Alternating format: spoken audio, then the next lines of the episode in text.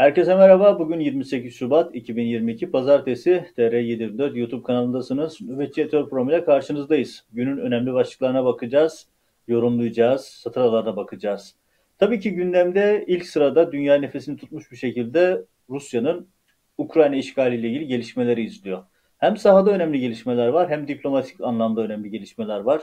Dünyanın bütün liderleri alarm vaziyetinde ve Putin'i durduramanın yollarını arıyorlar. Bütün bu gelişmeleri, sahada yaşanan gelişmeleri size bültenimiz içerisinde aktaracağım. Bugüne kadar görülmemiş çapta büyük ambargolar e, an itibariyle uygulamada resmen er, e, Rusya tamamen e, abluk altına alınmış vaziyette. Havadan karadan her yeri kapatılıyor. Bankacılık sistemin dışına çıkartılıyor. Her dakika yeni bir yaptırım e, ilanı geliyor. Bunların hepsini detaylarını aktaracağız. Türkiye siyasetinde hareketli önemli bir gün. 28 Şubat, 28 Şubat postmodern darbesinin 25. yıl dönümündeyiz. E, bugünün önemine dair bir takım istatistikler ve gelinen noktaya dair çarpıcı detaylar anlatacağım ama bugünün en dikkat çekici konusu Ankara Bilkent Otel'de yapılan muhalefet buluşmasıydı. 6 parti kameraların karşısına geçti. 6 siyasi partinin lideri güçlendirilmiş parlamenter sistemle ilgili projelerini, yazılı taahhütlerini açıkladılar. Önemli detaylar var, satır önemli bilgiler var. Ee, önemli vaatlerde bulunuyor. Altı lider bu Türk siyasetinde nereye evrilebilir? Siyasetin gündeminde başka neler olacak? Bunları da size bültenimiz içerisinde aktaracağım.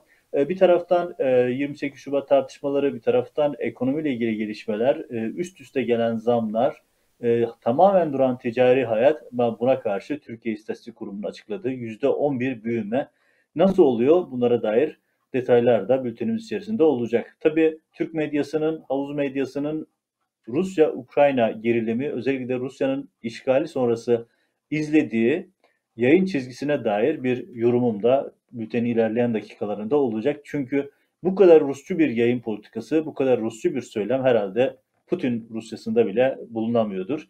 İnternet oyunlarını işte Moskova'dan, şey pardon Kiev'den şu anda e, canlı çok önemli görüntüler diye internet oyunlarını, sanal alemde dolaşan internet oyunlarını ekrana taşıyan CNN Türk gibi yayınları izliyoruz. E, A Haber'in pabucunu dama atmış bir CNN'le karşı karşıyayız.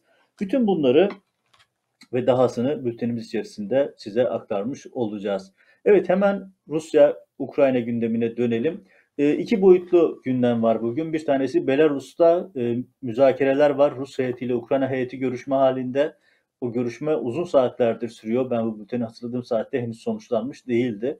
O saate kadar gelişmelere bakarsak e, Rusya heyetiyle e, Ukrayna heyeti arasında Belarus'ta yapılan görüşmede Ukrayna heyeti iki tane temel konuyu ön plana çıkartıyor. Şu ana kadar uluslararası basına yansıyan görüş, e, açıklamalardan, kulislerden bildiğimiz acil ateşkes ilan edilmesi ve Rus askerlerinin ülkeden çekilmesi, tamamen çekilmesi. Yani bunu talep ediyor Ukrayna ve bunun içerisinde sadece Donbas ve e, yanındaki diğer bir bölge değil, Kırım'ı da için içine katıyor. Ukrayna bölgesi, Ukrayna ve Rus askerlerinin bu üç bölgeden tamamen çekilmesi yönünde bir talebi var. E, heyetler görüşmeleri devam ediyor. Rus heyeti takım elbiseli, diplomatik e, ağırlıklı bir heyet haline gelmişken Ukrayna heyetinin içerisinde askeri kıyafetlerle gelen ya da günlük kıyafetlerle gelen isimler de vardı. Bu da hayli dikkat çekiciydi. E, Ukrayna heyeti içerisindeki isimler dediğim gibi çok temel bir e, talepte bulunuyorlar. Ukrayna Devlet Başkanı görüşmelerden çok umutlu olmadığını söyledi ama diplomasiye şans vermek gerektiğini de tekrar ederek bu görüşmeye gitmişti Rus Ukrayna heyeti. Bakalım görüşme sonuçlarından bir yansıma olacak mı? Tabii bu esnada Moskova'dan ve Kiev'de önemli gelişmeler var. Putin e, nükleer seçeneği dahil olmak üzere bütün birimleri üst düzey alarma geçirmiş vaziyette. Bu da tabii dünyanın e, alarm vaziyetini geçmesini, daha çok nefesini tutmasına neden oldu. Sonuçta Putin'in elinde nükleer silahlar var ve e, nükleer silahları bir şekilde kullanması ya da bu tehdidi kullanması doğal olarak dünyayı germiş vaziyette. Ama aynı zamanda Ukrayna'da savaşın da işgalin de seyri her geçen dakika değişiyor. Her ne kadar Ukrayna'nın e, bazı kesimlerinin özellikle de Rusya sınırına yakın bazı küçük kasabaların Rusların eline geçtiği şeklinde görüntüler gelse de Putin'in hiç beklemediği bir şey yaşanıyor. Ukrayna halkı bir bütün olarak direnişe geçti. Molotov kokteyli hazırlayanlardan, evlerinde yemek hazırlayıp cepheye götürenlerden, dünyanın dört bir tarafında savaşmak için Ukrayna'ya dönenlere kadar inanılmaz bir direnç var ve bu direnç gerçekten Putin'in hiç beklemediği bir şeydi.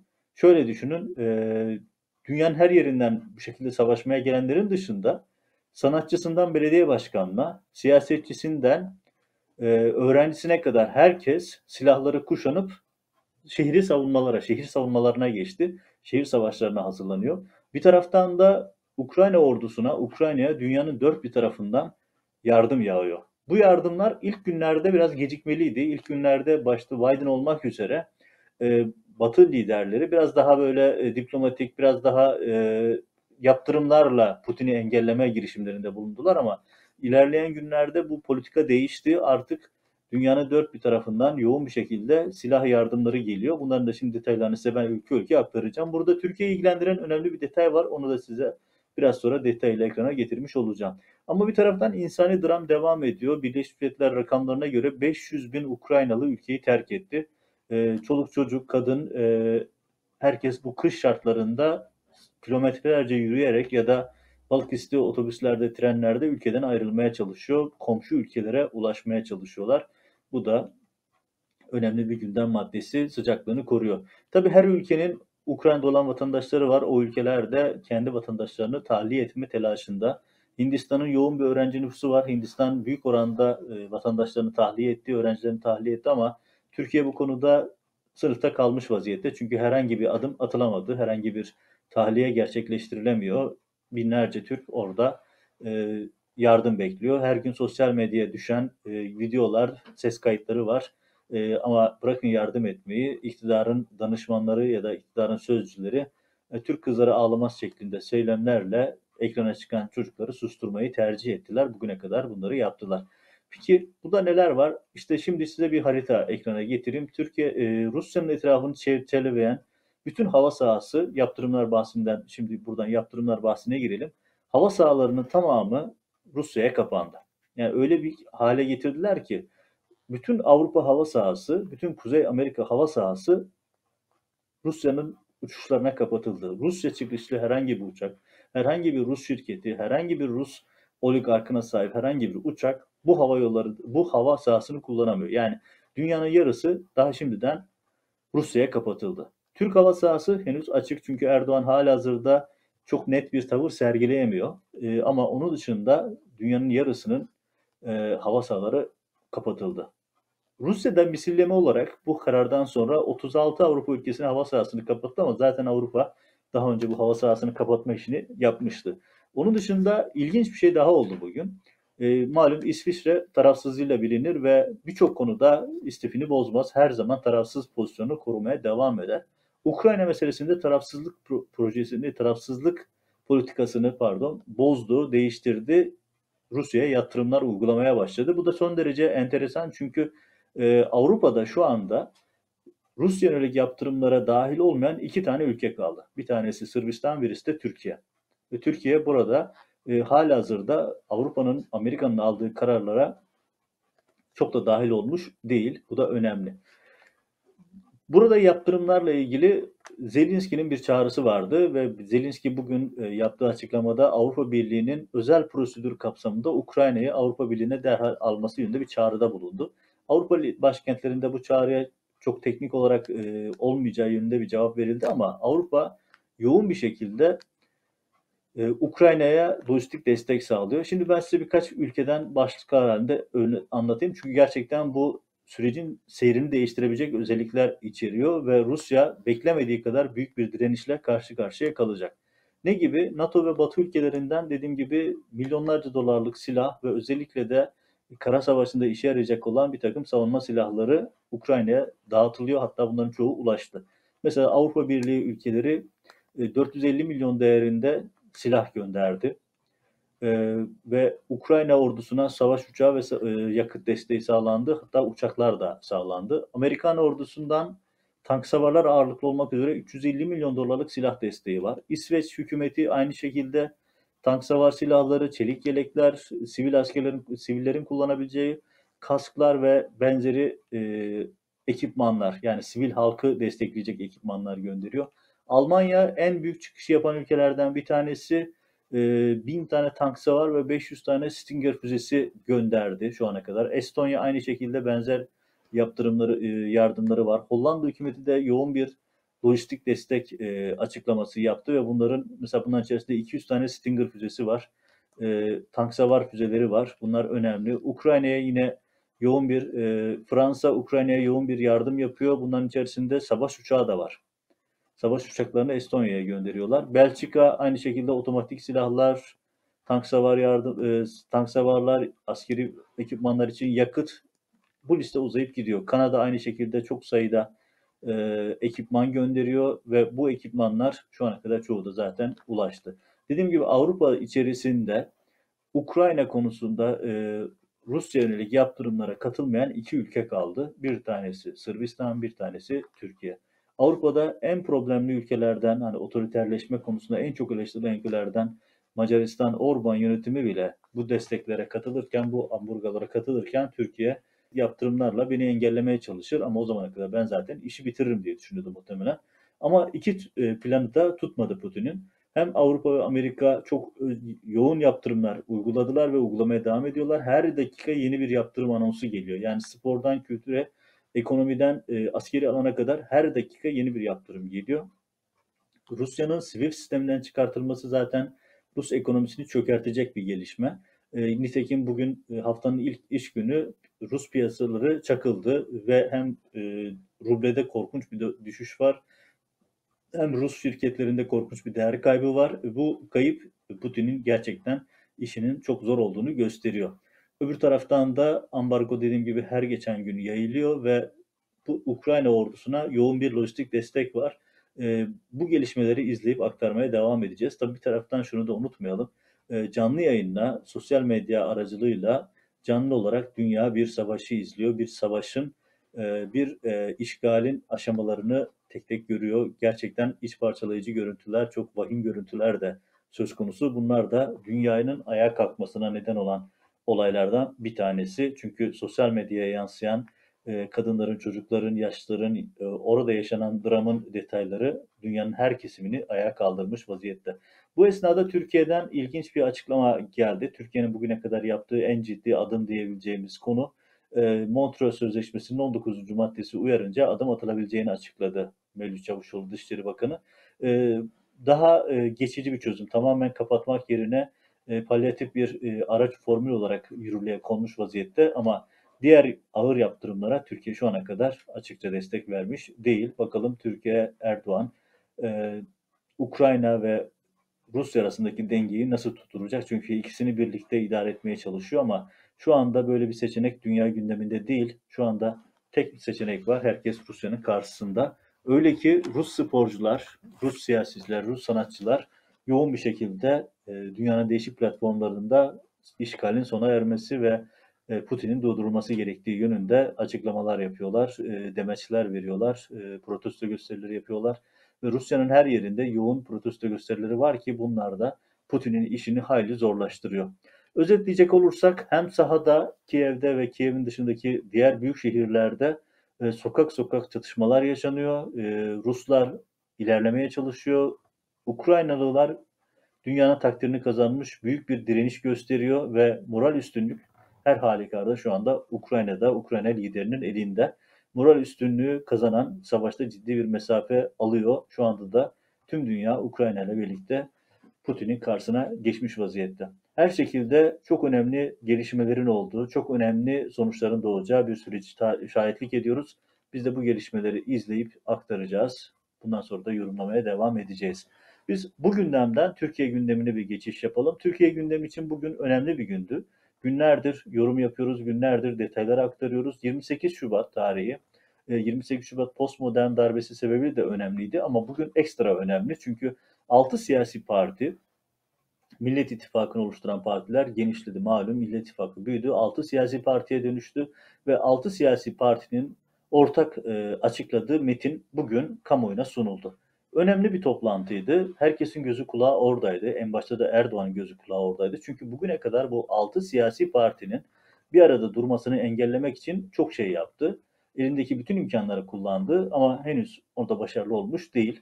Hani halihazırda o ittifakı çatlatmak ve bu ittifak ülkeyi yönetemez kampanyasını yürütebilmek için çok yoğun girişimlerde bulunuyor. Bunlardan bir tanesi de Tansu Çiller'i sahaya sürmek. Ona dair gelişmeleri de birazdan aktaracağım. Ama şunu ifade edelim. 6 siyasi partinin bu şekilde bir araya gelmesi ve bugün ilk adımı atarak güçlendirilmiş parlamenter sisteme dönüşle ilgili yol haritasını açıklaması siyasi dengeler açısından son derece önemli. Tabii oraya geçerken bir hatırlatmayla oraya geçeyim. Neden e, çok daha önemli olduğunu anlatma açısından. Bugün e, Metropol'ün e, yaptığı yeni bir anket yayınlandı ve ona göre Adalet ve Kalkınma Partisi'nin çekirdek oyu %25'in altına düşmüş vaziyette. Dolayısıyla bir taraftan iktidar kan kaybederken diğer taraftan 6 parti bir araya gelip önemli icraatlarına imza atıyorlar. Ee, önemli bir vaatte bulundular daha doğrusu. Bu çok ciddi bir vaat. Peki e, ne e, anlamı var? Şimdi siyasette semboller çok önemli. Siyasette nasıl durduğunuz, nasıl konuştuğunuz, taktığınız kravatın rengine kadar her şeyin bir anlamı vardır. E, toplantının yapıldığı yer de önemli. Toplantının yapıldığı yer Bilkent Otel. Burası Adalet ve Kalkınma Partisi'nin kurulduğu otel aynı zamanda e, ve böyle bir sembolü de var. Altı siyasi parti lideri toplantıya katıldı.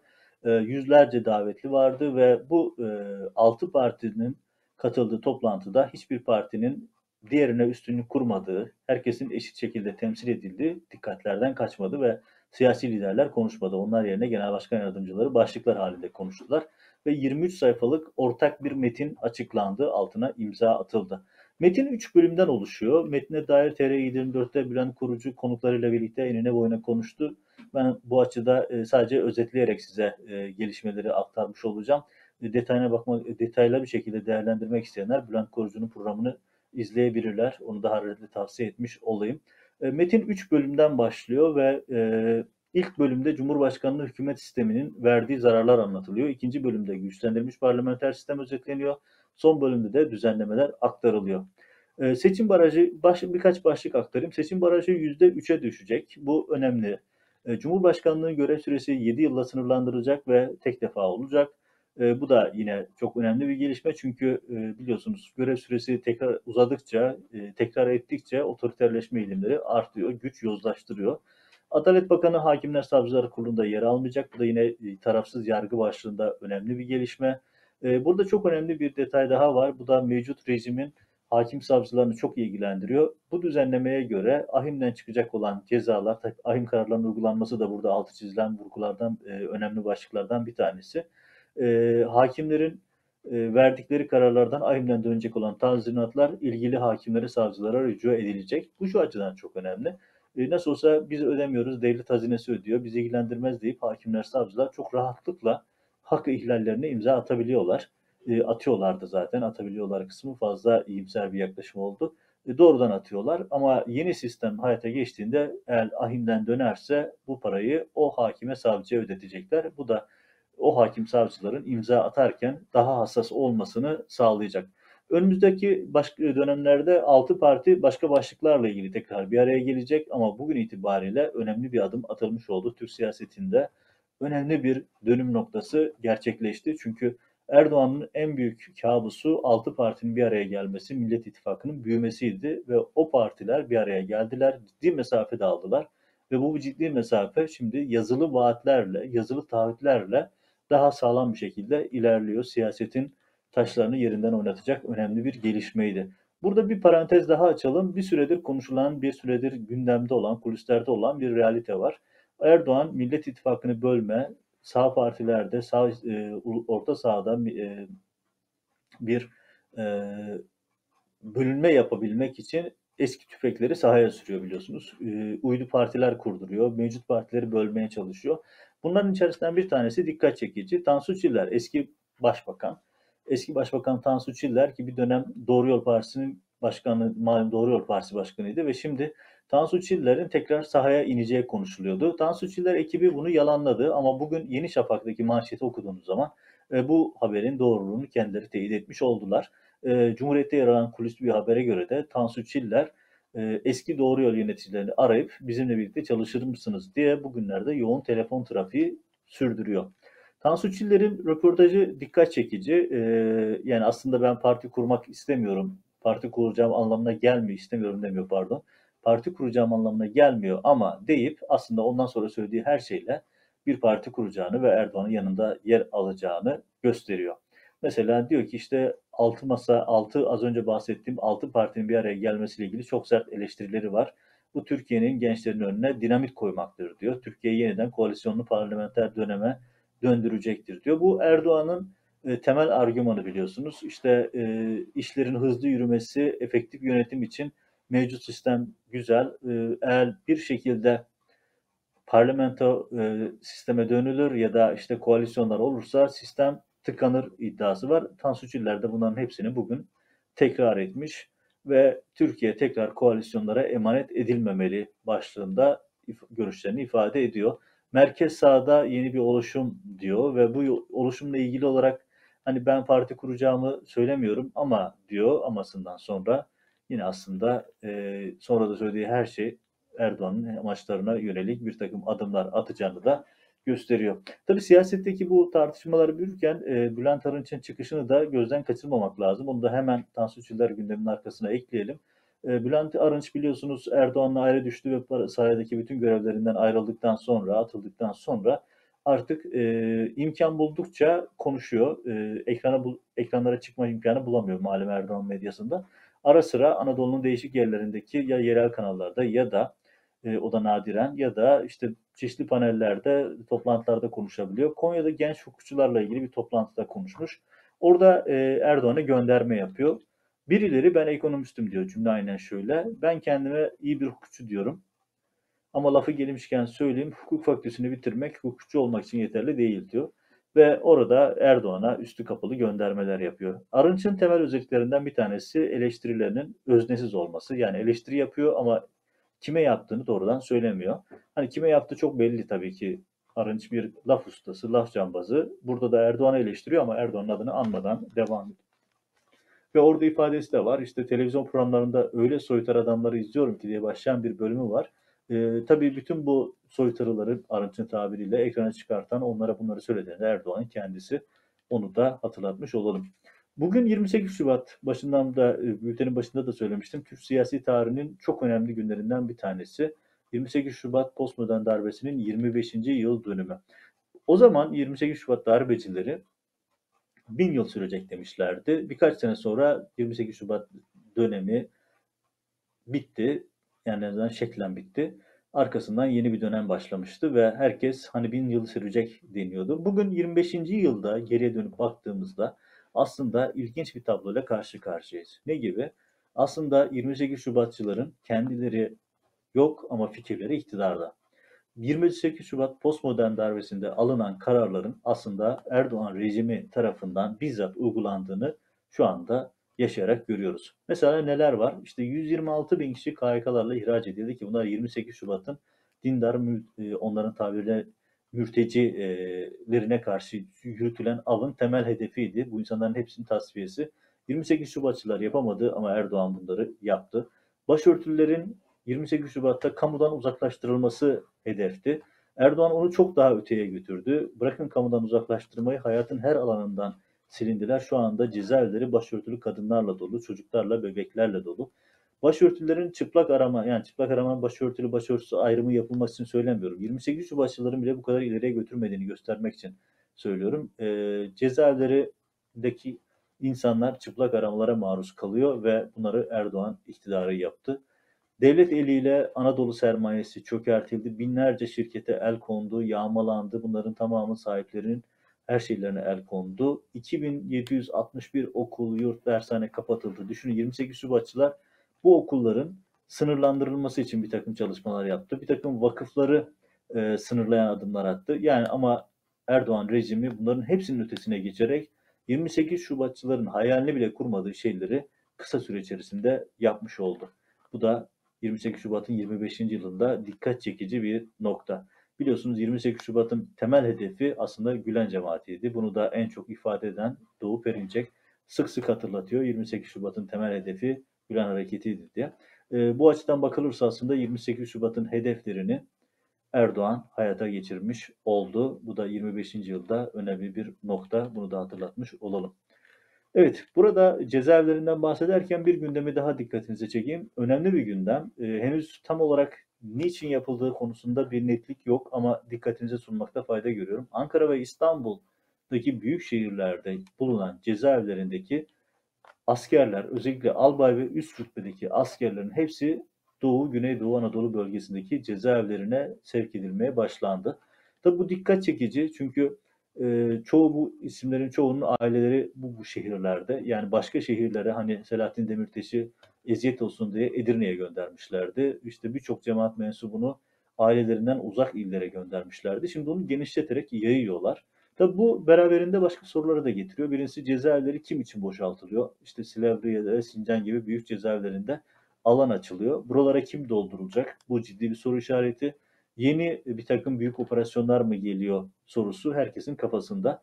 E, tabii ki bunun bir de ailelere ve mahkumlara, e, hükümlere eziyet olsun boyutu var. Özellikle eziyet olsun, özellikle daha çok zulüm olsun diye bu insanları evlerinden çok uzaklara, ailelerinden çok uzaklara gönderiyorlar ki aileler zaten ayda yılda bir kere ancak e, aile görüşmesi yapılabiliyor. Onları da yapamasınlar niyetindeler. Tabii düşündürücü şeylerden bir tanesi de şu Erdoğan rejimi cezaevlerinde koğuş boşaltma işini 15 Temmuz 2016 tartışmalı askeri darbe girişimi iddiasında yapmıştı. İlginç bir şekilde 15 Temmuz 2016'daki o tuhaf askeri darbe girişimi denen olaydan önce büyük cezaevlerinde koğuşlar boşaltılmıştı. Yani 15 Temmuz'a hazırlık yapılmıştı. Bu, bu da iktidarın 15 Temmuz'un kurgucularından olduğunu gösteren bir başka delili. Şimdi benzeri bir tabloyla karşı karşıyayız. İnsan ister istemez acaba yine ne tür bir kumpas peşindeler sorusunu sormak istiyor. Hatırlatalım Erdoğan rejimi son yıllarda cezaevi yapımlarına büyük ağırlık verdi. 252 bin kişi olan cezaevi kontenjanı 500 bini çıkarttı. 500 bine çıkarttı ve 36 yeni cezaevi için 2022 bütçesinden 2 milyar lira kaynak aktarıldı. Bu şekilde onu da detaylarını almış olalım. Yani Erdoğan rejimi çok iradi olarak çok planlı programlı bir şekilde cezaevlerini büyütüyor ve buralara daha fazla masum insanı yerleştirmeye devam ediyor. Tabii bütün bu e, gündemlerin içerisinde ekonomi en önemli gündemimiz. E, herkesin gözü kulağı orada. Çünkü zaten ekonomik kriz çok derindi. Bir de üzerine Rusya'nın Ukrayna işgali sebebiyle piyasa daha da daraldı, daha da sıkıştı. E, akaryakıt fiyatlarına rekor üstüne rekor zamlar geliyor. İnsanlar işsiz, insanlar perişan vaziyette. Tam bu ortamda Türkiye İstatistik Kurumu yeni rakamlar açıkladı. 2021 yılında %11 Türkiye büyümüş. Yani son derece şüpheli bir sonuç ama TÜİK rakamlarına göre yüzde yani TÜİK'e göre diye veriyoruz zaten. TÜİK'e göre Türkiye %11 büyümüş ve yıllık yıllık büyüme %11 olarak açıklandı. Tabii bununla ilgili çok fazla tartışma var. Nasıl %11 büyüyebilir Türkiye ekonomisi bu kadar daralmışken şeklinde. Ee, ve kişi başına gelir 10 yıl öncesinin bile altına düşmüş vaziyetteyken yani bu kadar kötü bir ekonomik performans varken, inşaat gerilemişken, bütün alanlarda büyük sıkıntılar yaşanıyorken nasıl oldu? İşte bu sorunun cevabı zaten saray rejiminde. Saraydan ne isteniyorsa TÜİK onu açıklıyor ve Türkiye bir şekilde 2011'de, şey 2021'de %11 büyümüş gözüküyor. Hani artık e, rejimin iddiası bu. Siz sokağa çıktığınız zaman bunun gerçek olup olmadığını zaten hemen anında görebiliyorsunuz. Evet gündemdeki bir diğer e, medya dünyası hükümet ilişkilerine dair ve özellikle de Ukrayna gündeminden biraz magazinel bir boyutuyla e, bülteni tamamlamış olmak istiyorum. O da şu, malum Erdoğan rejimi tüm Türk medyasını ele geçirdi. Aykırı hiçbir görüş yok, aykırı hiçbir yer kalmadı. E, ve buraların tamamına çıkacak olan konuklar, gazeteciler, siyasetçiler, akademisyenler saray tarafından belirleniyor. Sarayın belirlemediği hiç kimsenin ekrana çıkma imkanı yok. Ve o ekrana çıkan isimler saray tarafından gönderildiği gibi konuşma metinleri de saray tarafından veriliyor ve oradan aktarılıyor. Tabii bugün öyle bir hale geldik ki mesela serbestiyet bir güzel derleme yapmış. Ee, Türk medyasında CNN Haber Türk başta olmak üzere, TRT olmak üzere Türk medyasına ekranlara çıkan bütün yorumcular çuvalladı. Yani o işte Putin saldırmaz, Putin aslında bu niyette değil. Hatta Yılmaz Özel ileri gidip Ukrayna halkını falan da suçladı. Çünkü Erdoğan rejiminin saray uzantılarıyla sözüm ona muhalif olan kesimin arasında bir fark yok. Kafa yapıları aynı. Sadece biraz e, söylem değişiklikleri var ama kafa yapıları aynı şeyi içeriyor. İşte e, Habertürk ekranlarında güya savaşta olan birisi işte Ukraynalı kadınlar erkeklerini bırakıp kaçtılar Türk kadını böyle yapmaz şeklinde akla ziyan yorumlar yapıyor. İşte Erdoğan danışmanları ekrana çıkan e, yardım isteyen kızları fırçalıyor. Böyle tuhaf şeyler yaşanıyor. Ve bunun yanında ilginç bir şey var. Bakın akademisyen, gazeteci yani düşünün bütün bu isimler her gün ekranda Rusya-Ukrayna ilişkilerini analiz ediyor. Ya bu insanlar düşünün Ahmet Maranki e, bile yani bu kişi ziraatçı ve bitkisel e, ürünler satan birisini bildiğim kadarıyla. O bile bu konularla ilgili yorumlar yapıyor. Her konuya yorum yapan Nedim Şener Ukrayna-Rusya konusunda yorumlar yapıyor ve işte e, Amerika böyle dedi böyle dedi ama işte yanıldı diyor. Aslında yanıldı yok. Biden'ın verdiği istihbaratın doğru çıktığını dünyayı gördü. E, bunun gibi sayısız isim var ve verdikleri her bilgi yanlış çıktı. Ona rağmen hiçbir şey olmamış gibi yorumlara devam ediyorlar. Mesela güvenlik uzmanı diye çok yoğun bir şekilde ekranlara çıkan işte Coşkun Başbuğ ya da Abdullah Ağar gibi isimler var. Bunların hepsi özel harpçı bunlar. Ve bunlar eskiden değişik pozisyonlarda kendilerine verilen işleri yapıyorlardı. Düşün Abdullah Ağar bir dönem Haydarpaşa'nın Partisi'nde genel başkan yardımcısıydı. Şu anda havuz medyasının her gün ekrana çıkan ulus güvenlik danışmanı ya da stratejisti. E, dün yaptığı iş neydi, bugün ne iş yapıyor, söylediği hangi doğru çıktı sorusu e, ayrı bir konu. Coşkun Başbuğ da aynı şekilde. Mete Yarar isimli başka birisi var. Söylediği her şey yanlış çıkıyor ama yine her gün ekranlarda sarayın sözlerini tekrar ediyorlar. Bu da savaş süreci ve e, Ukrayna'nın işgali sürecinde Türk medyasının nasıl sınıfta kaldığını gösteren önemli bir detay. Öyle ki hatta şöyle bir espri de var sosyal medyada çok konuşulan. Herhalde Putin bu kadar Rusçuyu Rus medyasında bulamamıştır diye. Çünkü açıkça dünyanın tamamı bütün gelişmeleri canlı yayınlayıp herkes her şeyin farkındayken Türk medyasında ister iktidar kanadında ister sözde muhalif kanatta olsun Rusçu söylemler o kadar dikkat çekici ki dediğim gibi bir yorumcunun ifadesiyle söyleyeyim. Herhalde Putin bu kadar Rusçuyu Rus medyasında bulamazdı. Bu da önemli bir detay aktarmış olalım. Tabii CNN Türk'ün durumu burada çok daha e, enteresan bir noktaya geldi. CNN Türk A Haber'i katladı geçti. Hani yandaşlık ve yalakalık yapma konusunda A Haber'i bile e, solda sıfır bıraktılar. Ve artık mizah unsuru haline döndü biliyorsunuz. Yani hem Hürriyet Gazetesi hem de CNN Türk'ün gerçekten artık bir mizah noktası. Mesela şu görüntü.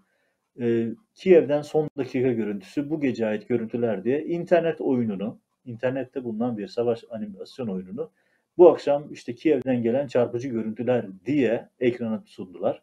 Ekrandaki yorumcular da bunun üzerine yorumlar yapıyorlar. İşte az önce bahsettim.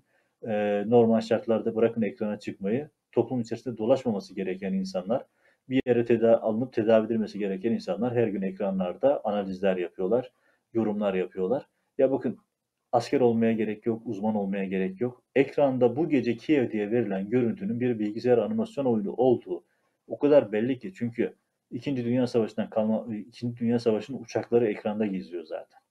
Yani onlara birisi baktığı anda ya bu görüntü bir oyun, bilgisayar animasyon görüntüsü demesi gerekir ama sözüm ona koskoca askerler, generaller, siyasetçiler, gazeteciler bu, bu e, bilgisayar animasyonu üzerinden halka yanlış bilgi vermeye ve hiçbir şey olmamış gibi konuşmaya devam ediyorlar. Bu da herhalde Erdoğan rejiminin bir başarısı olarak görülmeli. Düşünün savaş gibi çok vahim bir olayda Türkiye'nin hemen yanında komşusu olan bir ülkede yaşanan olayda dünyadaki gelişmeleri Türkiye Türk medyasından değil dünya medyasından izliyoruz. Türk medyasından gelen haberlerin tamamı da yüz kızartıcı, utanç verici şeylerle dolu. Bu da Erdoğan'ın bir başarısı diyelim. Evet 28 Şubat 2022 pazartesiye dair gündemden seçtiğim önemli başlıklar bu şekildeydi.